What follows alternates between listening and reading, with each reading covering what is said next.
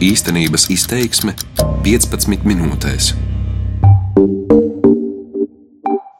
Pieaugušo pasaule ir strauja un reizēm arī ļoti nesaprotama. Ikdienā ir jākārto ļoti daudz un dažādu lietu. Jāiet pie friziera, ārsta, jāizsauc santehniķis, varbūt ir tiesas prāvas vai šķiršanās. Parasti šos jautājumus risina sarunājoties, tomēr cilvēki ar dzirdes traucējumiem, kuru bērni šajā pasaulē nākuši dzirdīgi, izmanto savas atvases, lai tulkotu visdažādākās situācijas. Kā ir būt nedzirdīgu vecāku dzirdīgam bērnam, vecāku ausīm un logam uz pasauli, kurā cilvēki komunicē lietojot balsi? Vai bērniem ir jābūt vecāku dzīves starpniekiem un jāzina viss par savu vecāku dzīvēm? Par to sarunājos ar četrām dzirdīgām sievietēm, nedzirdīgu vecāku meitām - Brigitu Lazdu, Lauru Zeltiņu, Anželiku Brūži un Rotu Gulbi. Mani sauc Kristaps Feldmanis, un šis ir raidījums īstenības izteiksme 15 minūtēs. Mani sauc Brigita Lazda, esmu koda bērns. Pirmā valoda, ko viņa iemācījās, bija nevis latviešu valoda. Esmu bijis vienmēr tāds tā kā tilts starp dzirdīgo un nedzirdīgo pasauli. Bet latviešu zīmju valoda. Kā jau vecāki nedzirdīgi, tad pārsvarā es atrados nedzirdīgo vidē. Gāju bērngārzā, tāpat kā visi bērni. Protams, kad neviens jau nevarēja izkontrolēt to runu, vai tu runā pareizi, gramatiski vai nepareizi skolas laikā reizēm bija grūti, jo bija jācīnās par savu vietu. Es ļoti negribēju atpalikt no citiem klases biedriem, jo bieži vien varbūt, kad nācās vairāk pierādīt to, ka tu neatšķiries. Un man atklāti jāsaka, jā, man bija reizēm, ka man bija kauns no saviem vecākiem. Bet kauns nevis tāpēc, ka mani vecāki ir nedzirdīgi, bet es nērti jutos klases biedru priekšā. Jo sāpīgākais bija tas, kad eh, bieži vien, ja tevi stundās kaut kur izsauca atbildēt, ja tu kaut ko pārteicies, tad vienmēr nāca pārmetumi, ah, tu jau kurlo bērns, tu jau nemāki runāt, tāpēc tev tā ir. Un viens jau nezināja to, kā es tajā brīdī jutos. Jo patiesībā tev ar šo sāpi, ar tiem negatīviem pārmetumiem, tev jādzīvo visu dzīvi, Vecāki nevienmēr ir sapratuši to, ka Brigita var un viņai vajag lasīt grāmatas. Sarunā viņa tās pats sauc par aizliegto augli. Man sanāca ļoti bieži tulkot. Sevišķi prātā palicis ir tāds uh, moments, ka kādreiz bija tādas nama pārvaldes, kurās vajag dabūt kaut kādu izziņu. Kādreiz skaitījās tāda 22 žē. Man bija kaut kādi 8 gadi, jā, un es gāju mammai līdzi, un es vispār nesapratu kas tā peiziņa, kam viņa vajadzīga, kā man jāizskaidro tas viss ir. Un tas iedomājieties, kādreiz bija tas viss notika caur lodziņu, un kad tu esi mazāks par to logu, tev bez mazvai ir jālēkā, lai tevi redz. Un tad es saku, mamma teica, ka vajag izziņu 22 žē. Es tagad saprotu to, ka ir ļoti grūti tulkot, ja tu vispār neesi lietas kursā par konkrēto tematu. Tāpat uh, bija ļoti bieži jābrauc tēvam līdzi uz autoservisu. Jūs iedomājaties, bērnam desmit gadi.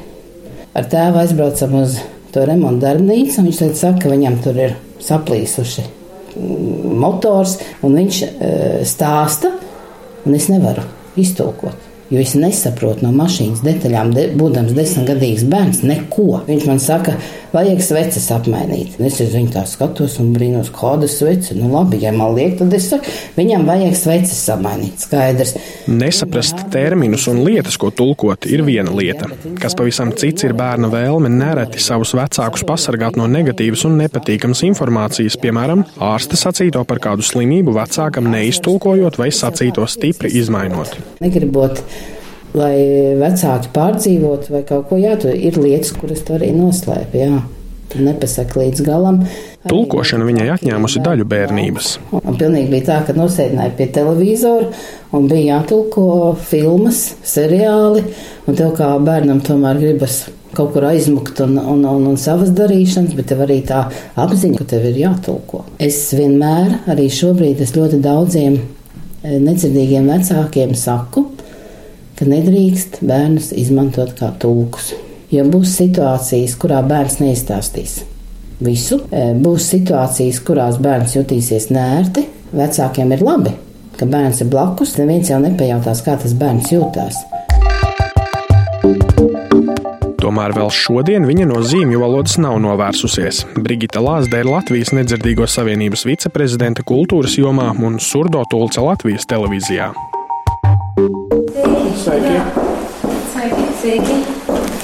Tā ir Laura Zeltiņa. Esmu augusi ģimenē, kurā mamma ir nedzirdīga, tēvs ir vājdzirdīgs, bet visi pārējie ģimenes locekļi, brālēni, māsītes, mammas, māsas, visi ir nedzirdīgi. Un mēs ar māsu abas divas vienīgās no visas ģimenes esam dzirdīgas. Tūkošas Arī Laura sevi sauc par koda bērnu. No angļu valodas tas ir saīsinājums, kas apzīmē nedzirdīgu vecāku dzirdīgus bērnus. Jā, mēs bijām ģimenes mazie tulki, varbūt mums ar māsu paveicās, ka mēs bijām divas. Mēs varējām dalīt šo pienākumu. No vienas puses uzskatu, ka tas ir diezgan pozitīvi, jo jau mazas būdamas mēs jau zinājām visu, kas notiek. Protams, kad uh, nedaudz jau paaugāmies, tad mēs vairāk sākām kaut ko saprast, Mums, eh, protams, kā jau visiem bērniem, ir slinkums un daudz ko negribās darīt, un eh, šī tulkošana bija arī nedaudz kā nasta, bet eh, atceroties bērnību, es neredzu to kā tādu smagu slogu. Arī Laura atzīst, ka nestāstīja visu. Mēs noklusējām tad, kad mums bija jāiet uz skolu, tulkot to, ko mēs tur skolā esam sadarījuši. Bet uh, mana mamma ļoti labi lasa no lūpām, un, un viņa vienmēr sekoja līdzi, un, un tur bija ļoti grūti kaut ko samalot. Bet uh, mana mamma ļoti smagi slimojusi vairākus gadus, un uh, Jā, kad mēs ar māsu bijām mazas, tas, tas bija grūti, jo mums bija jābrauc uz gaļazeru un jātulko. Viņa mēģināja daudz ko paturēt sev, tajās lietās viņa mūs tik ļoti nevilka iekšā. Un tikai tad, kad mēs jau paaugāmies, tad varbūt. Bet noklusēt, mēs tikai noklusējām to, ka mēs kaut kādas bijām lietas sastrādājušas, lai, lai mēs nedabūtu. Lai arī Laura Zeltiņa savu bērnību atceras kā jauku, tomēr to, ka reizēm kaut kas bijis jāziedo, viņa nenoliedz. Es atceros, kad uh, man vajadzēja braukt tulkot krusmātei sunim operāciju, un man bija treniņš pašai pēc divām stundām, un tā operācija tik ilgi vilkās, un man bija tik svarīgi aizbraukt uz to savu treniņu, un es stāvu, un es, un es mīņājos, un, un žēl tas suns, un, un, un krusmāte stāv asirās, un tu stāvi un domā par to savu treniņu, jo, nu, tā, nu, tā nav tava dzīve, tava dzīve ir, ir cita dzīve, bet uh, tu esi spiests dzīvot arī to otru dzīvi. Laura gan saprot, kādēļ vecāki nereti tulkošanu uztic nevis valsts nodrošinātajiem tulkiem, bet tā vietā nodarbina savus bērnus. Viņi izvēlās uh, savu ģimeni, savus bērnus. Tāpēc, kad viņi baidās, ka šī informācija tiks izpausta, jo šī nedzirdīgo sabiedrība ir ļoti šaurs lokus. Tas, kurš dzīvo Liepājā, ļoti labi pazīst to, kurš dzīvo Rīgā, un mēs pazīstam viens otru. Un, un viņiem vienmēr ir tās bailes, ka, ka tas tulks izstāstīs kādam, citi uzzinās, un tāpēc arī bieži vien viņi izvēlās šīs lietas paturēt ģimenē. Tomēr viņas prāt tas nav attaisnojums. Es vispār domāju, ka vecākiem īsti nevajadzētu bērnus uh, ņemt līdz tulkot. E, es varbūt uzskatu, tas, kā es tulkoju, mani ņēma visur līdzi, tas ir devis man daudz ko dzīvē, jo es ļoti daudz zinu par dažādām jomām, bet uh, es atceros to sajūtu arī, kad mēs augām, nu, visu, ko dara vecāki, nu, mums nav jāzina visu, ko viņi dara par naudas lietām, vai, vai, vai, vai viņiem ir tā nauda, ko samaksāt skolotāji par ekskursiju. Un, un tās tās lietas, ko viņiem pašiem ir jānokārto. Mums arī kā bērniem bieži vien ir ļoti kauns par to, ko dara mūsu vecāki. Jā, aiziet rindā poliklinikā pa priekšu un saka, man nav laika. Un tas bērns, kad viņš ir ilgs tajā tulka pozīcijā, viņš iziet cauri tam kaunam. Viņam iekšā iejaut kauna sajūta par to, ka viņam ir jāiet un ir jāsaka tam maziem cilvēkam jābūt tam vidutājiem starp tām divām pasaulēm.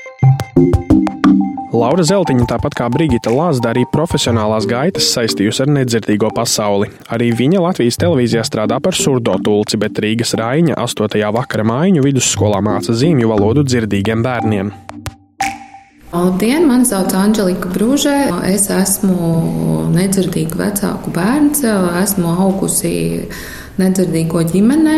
Arī Anželikas dzimtā valoda ir latviešu zīmju valoda. Man šķiet, ka bērnībā man bija tāda sajūta, ka uh, es esmu ļoti piederīga nedzirdīgo sabiedrībai, jo man vecāki, tad, kad gāju uz kaut kādiem pasākumiem vai vēl kaut kur, tad uh, vienmēr man ņēma līdzi, bet, protams, viņi gāja pasākumos, piedalījās tādos, kur uh, pārsvarā bija tieši speciāli nedzirdīgajiem cilvēkiem. Uh, veltītie pasākumi, un arī bijis īpašs kultūras nams Rītausma, kurā arī visi tie pasākumi notika. Anželikas vecāki ļoti daudz izmantoja viņas tulkošanas pakalpojumus. Vecāki to pat uzskatīja par Anželikas pienākumu. Visu savu apzināto mūžu es esmu skaidri pildījusi zīmju valodas tulku funkciju ģimenē, jo mani vecāki uzskatīja, ka tas ir mans pienākums veikt šādu palīdzības aktu.